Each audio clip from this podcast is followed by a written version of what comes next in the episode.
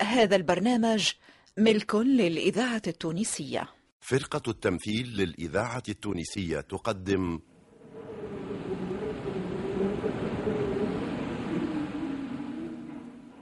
نسبة هذه المدينة إلى الإله سالم وهو إله السلام.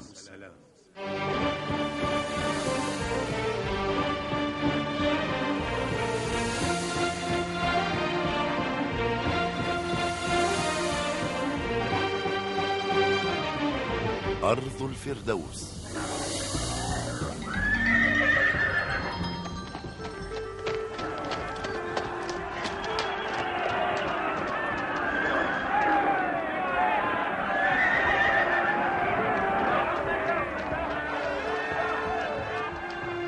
ليس لأولئك القوم أرض ولا مدينة. وعندما طردهم فرعون مصر توهموا أن أرض كنعان سهلة المنال. فاتفقت أحبارهم على أن تكون هي الأرض الموعودة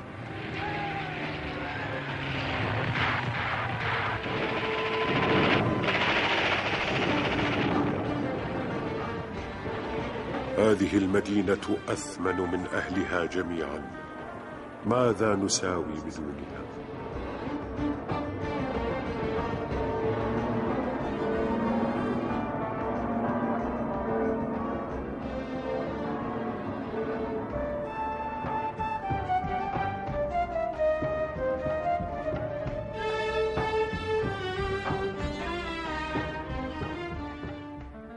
أرض الفردوس تأليف علي دب.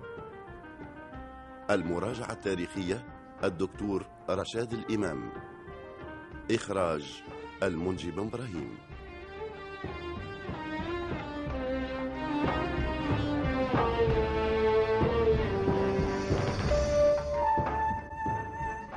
من عام 1922 دأبت الوفود الفلسطينية على رفع قضيتها إلى المحافل الدولية وطافت بأهم العواصم الأوروبية. كان الأمل يحدو قادة الرأي في فلسطين إلى استرجاع أراضيهم بدون إراقة الدماء. أما على أرض الواقع فكان الوضع مترديا والتشاؤم سيد الموقف.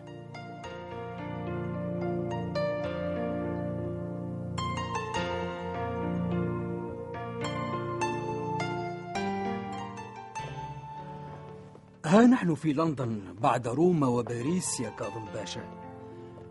إننا نحمل قضيتنا العادلة إلى شرفاء العالم. الفرنسيون تفهموا بعض مطالبنا. لا يغرنك ما يتظاهر به الفرنسيون لأنهم الإنجليز يتنافسون على استعمار البلاد العربية لكنهم لن يختلفوا إذا ما جد الجد على اقتسام الغنائم. ولكن ما رأيك في وزير المستعمرات البريطاني؟ وينستون تشرشل يتعاطف مع الصهاينة رغم أنه ليس من بني جنسهم. لقد اتحد علينا الأوروبيون واليهود والله يعلم بعاقبة الأمر. لا أفهم سبب تعاطف الأوروبيين مع الصهاينة. وأغلب الظن أنهم يريدون التخلص منهم برميهم علينا. آه شبلي آه، حان موعد لقائنا مع وينستون تشرشل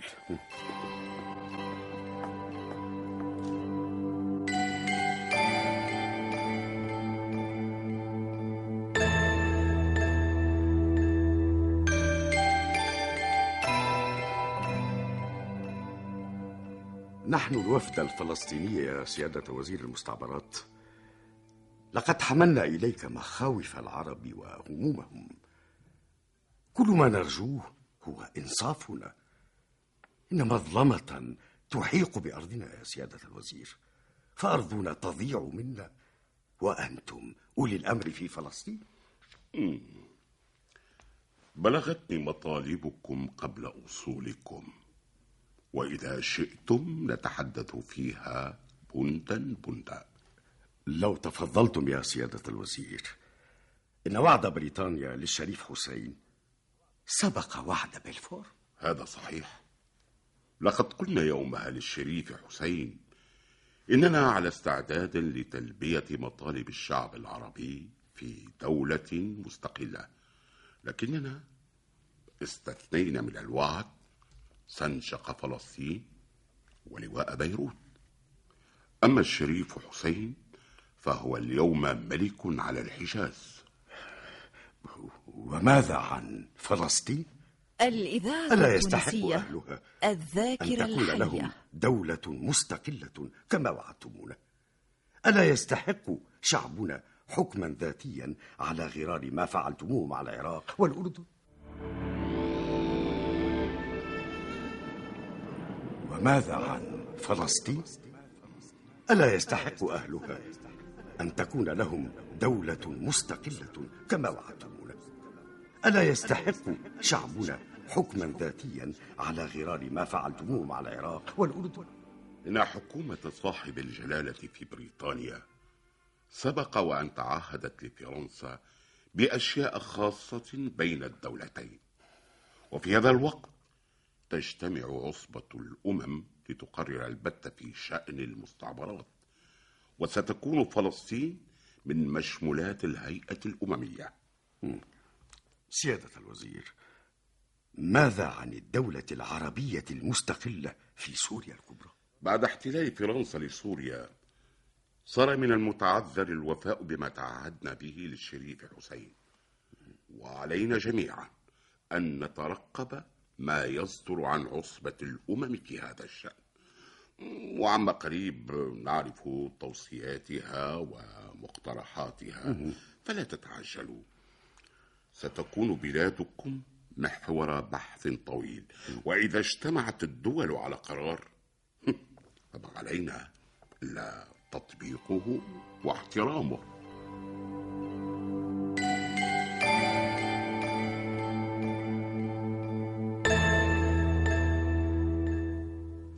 لقد لجأ الثائر عز الدين القسام إلى حيفا يا سيادة المندوب وحيفا تابعة لنا.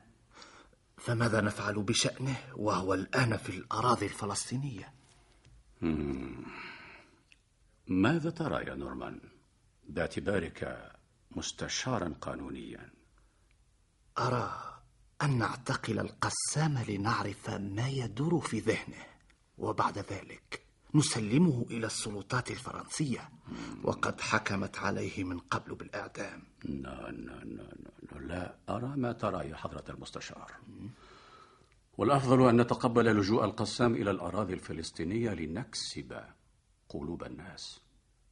القسام ثار على فرنسا يا نورمان وفرنسا احتلت بلاده سوريا. بينما لم يرفع الفلسطينيون السلاح بالدنع رغم احتلالنا لأرضهم. إذا لا أقل من مراعاة شعورهم وشعور العرب عامة. ومن أدرانا أن هذا القسام لن يحرض الفلسطينيين ضدنا وهو يقيم بينهم. سنراقبه بدقة وصرامة وحذر أيضا. نورمان نسيت أن أسألك هل عاد وفد الفلسطينيين من لندن؟ لعله يترقب في لندن. ما قد تتمخض عنه مداولات الأمم في شأن البلدان التي حررناها من الأتراك. سيعودون إلينا محبطين مثقلين باليأس ولن تكون نتائج المداولات في صالح الحكم الذاتي الذي يأملونه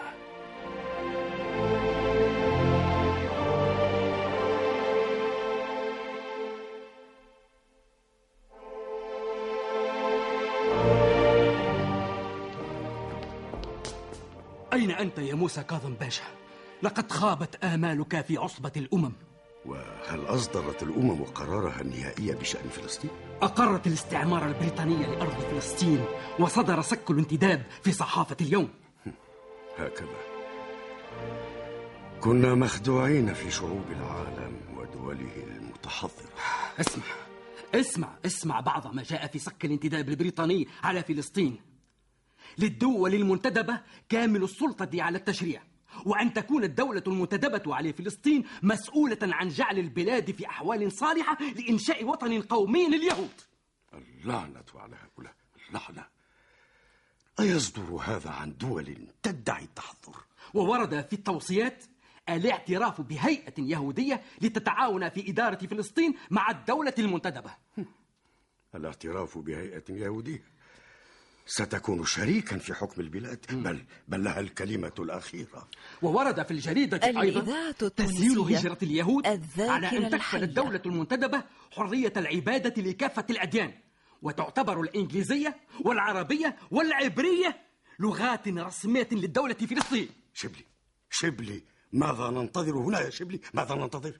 فلنحزم حقائبنا ولنرحل عن هذه البلاد الظالمة.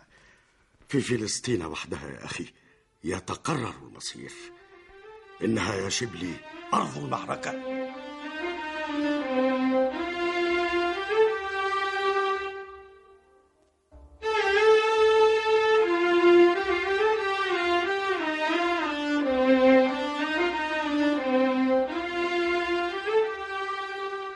كيف وجدت عز الدين القسام في منفاه يا عبد القادر؟ ينوي الاستقرار في حيفا. قال إن فلسطين وسوريا شيء واحد. لقد صدق. ونصحنا بالتركيز على الاستعمار البريطاني فهو رأس الحربة يا سيد المفتي. هذا ما نشعر به جميعا. لكننا هنا لا نريد للثورة إذا ما قامت نهاية سريعة كنهاية ثورة القسام في سوريا. الدول الأوروبية عاتية. تملك كل أسباب القوة. وعلى كل من يفكر في الثورة أن يستعد لها هل قرأت سك الانتداب يا سيد المفتي؟ كل القرارات صدرت في مصلحة اليهود كما هو متوقع الصراع سيطول يا عبد القادر فهل عاد أبوك موسى كاظم باشا؟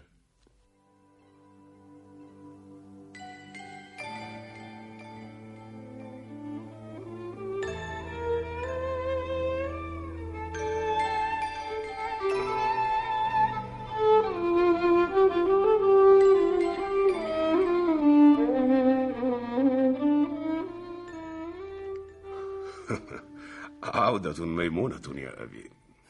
لعلك تهزأ بنا يا عبد القادر. وقد سمعت أن شباب القدس يندد بما نقوم به من تفاوض ومساع سلمية وكيف نقتنع بالدور الذي تقومون به؟ وأنتم تدورون في حلقة مفرغة.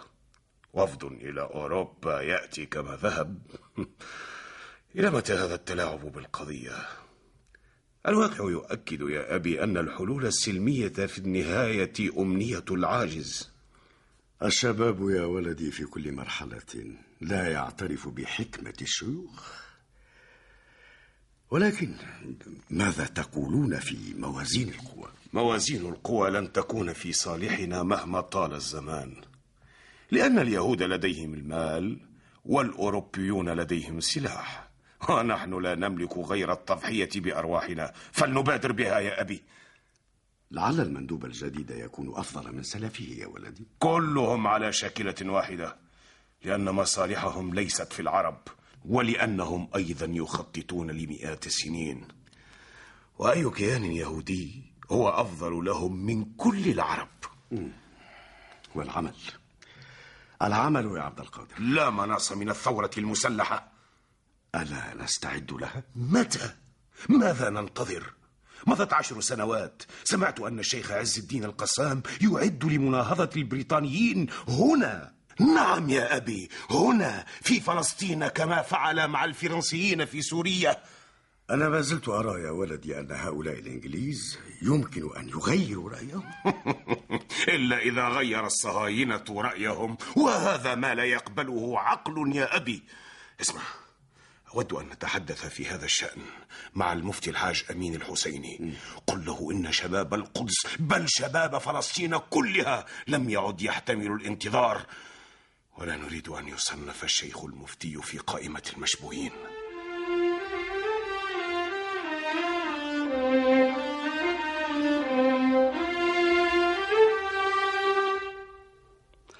غدا عيد الغفران يا سيدي الحخام. إنه من أفضل أعيادنا وفيه نتضرع للرب ليغفر لنا ويرحم أجدادنا. شباب اليهود غاضب على دوركم يا شيوخ. تنصحوننا بالتريث بينما العرب يستحوذون على أقدس مقدساتهم. هناك حائط من. بقايا هيكل النبي سليمان والعرب يزعمون أنه حائط البراق بينما هو حائط المبكى. لا شك لدينا في أنه من بقايا الهيكل المقدس ولكن لا نريد إحراج المندوب السامي الجديد. لكن هذا المندوب ليس يهوديا كالذي سبق. مهما يكن فهو إنجليزي صميم ولهؤلاء القوم فضل علينا بل أفضال لا تنسى. من الذي تجرأ وأصدر وعد بلفور؟ ومن الذي فرض على الأمم الاعتراف لليهود بوطن قومي على هذه الأرض. بل الإنجليز شجعوا هجرة اليهود إلى هنا. كنا بضعة آلاف والآن نحن أكثر من مئة ألف. وكلما زاد عددنا زادت قوتنا وأنزلنا الرعب في قلوب العرب. جئت لأعلمك أننا غدا سنفعل شيئا. أجل. سنفعل شيئا من أجل حائط المبكى. لا تتهوروا. إنكم ستفسدون علينا المشروع الأكبر. والمندوب قد يغضب منا. فلننتظر إلى عيد الغفران القادم. لا لا لا تتعجلوا.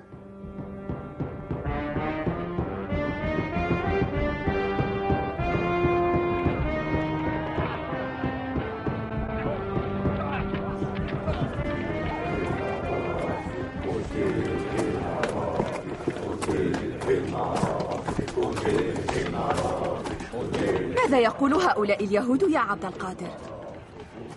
يحثون أنصارهم على الدنو من حائط المبكى. لكن هذا حائط البراق. وقد ربط فيه رسولنا محمد صلى الله عليه وسلم. دابته ليلة المعراج. يزعمون أنه من بقايا هيكل سليمان. ها قد صاروا يرفعون أصواتهم بالكذب والبهتان. فلنقترب من جموعهم لنعرف مقاصدهم. انتبهي لما يقولونه انتبهي جيدا لما سيقوله هذا المتحدث. أيها الحجاج اليهود أيها الحجاج اليهود في عيد الغفران نحمد الله على عودتنا إلى أرض الأسلاف. إن حائط المبكى هو الجزء الباقي من جدار الهيكل المقدس لنبينا سليمان.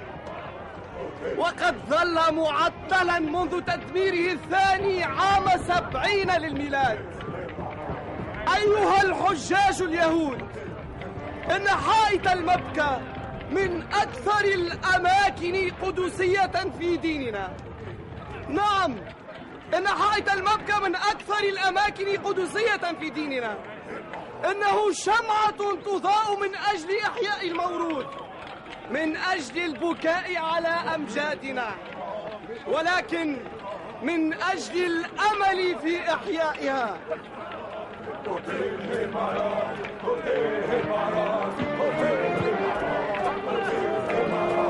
المجد لشعب إسرائيل وكل من يريد صدنا على حائط مكانه أضله هيا كذبتم كذبتم كذبتم. إنه حائط البراق. إنه المكان الذي ربط فيه رسولنا الكريم دابته ولا حق لكم فيه.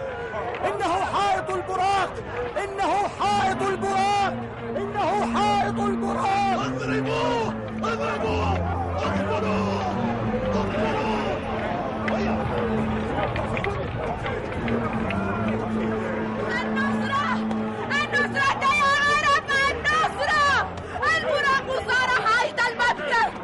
يا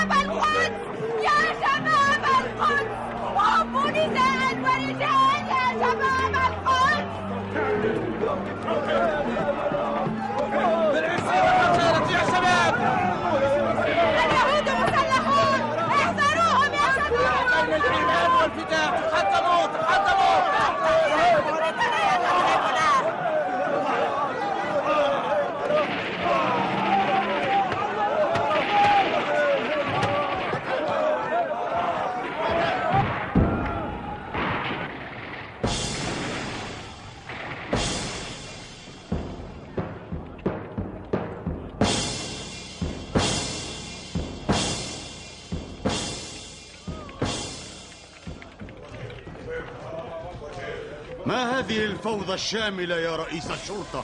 الثورة في كل مكان. في القدس خرب اليهود مسجد عكاشة وعبثوا بالأضرحة. وفي الخليل قتل الكثير من اليهود. الفوضى في نابلس والخليل والموت في الطرفين. أعطي الأمر بإطلاق النار على كل مشاغب. وزج بالمتظاهرين في السجون. وأحضر إلهنا المفتي وموسى كاظم.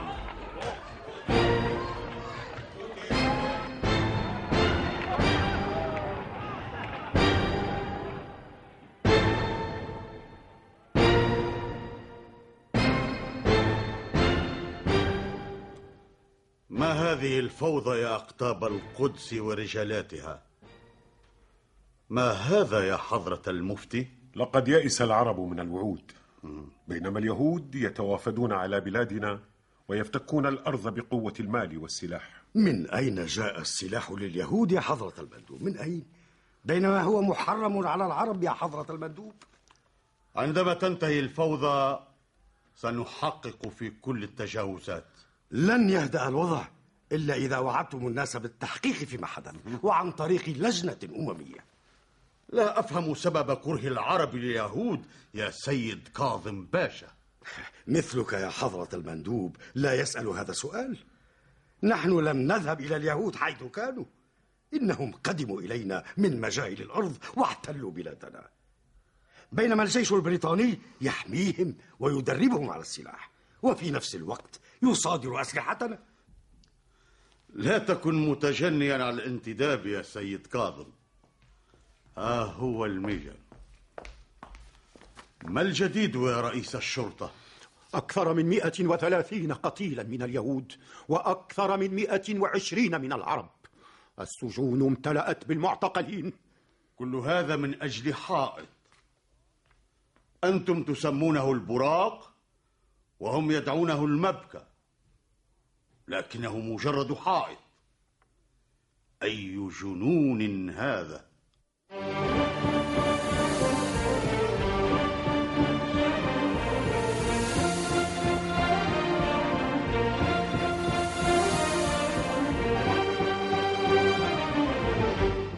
إلى اللقاء في الحلقة القادمة من مسلسل أرض الفردوس. صور الشخصيات عبد الوهاب المصمودي مقداد مسلم صالح الرحموني الطيب الوسلاتي أحمد معاوية محمد سيف منصف الشواشي لحبيب الغزي نبيل الشيخ حمادي أبو عزيز عماد الوسلاتي الرزق العوني علي بن سالم ولطفي العكرمي. موسيقى منذر بركوس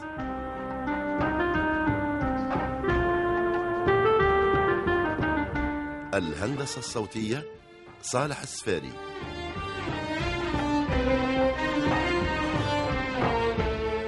تسجيل الموسيقى الطاهر الوسلاتي. مخرج مساعد عماد الوسلاتي. أرض الفردوس تأليف علي دب إخراج المنجي بن إبراهيم.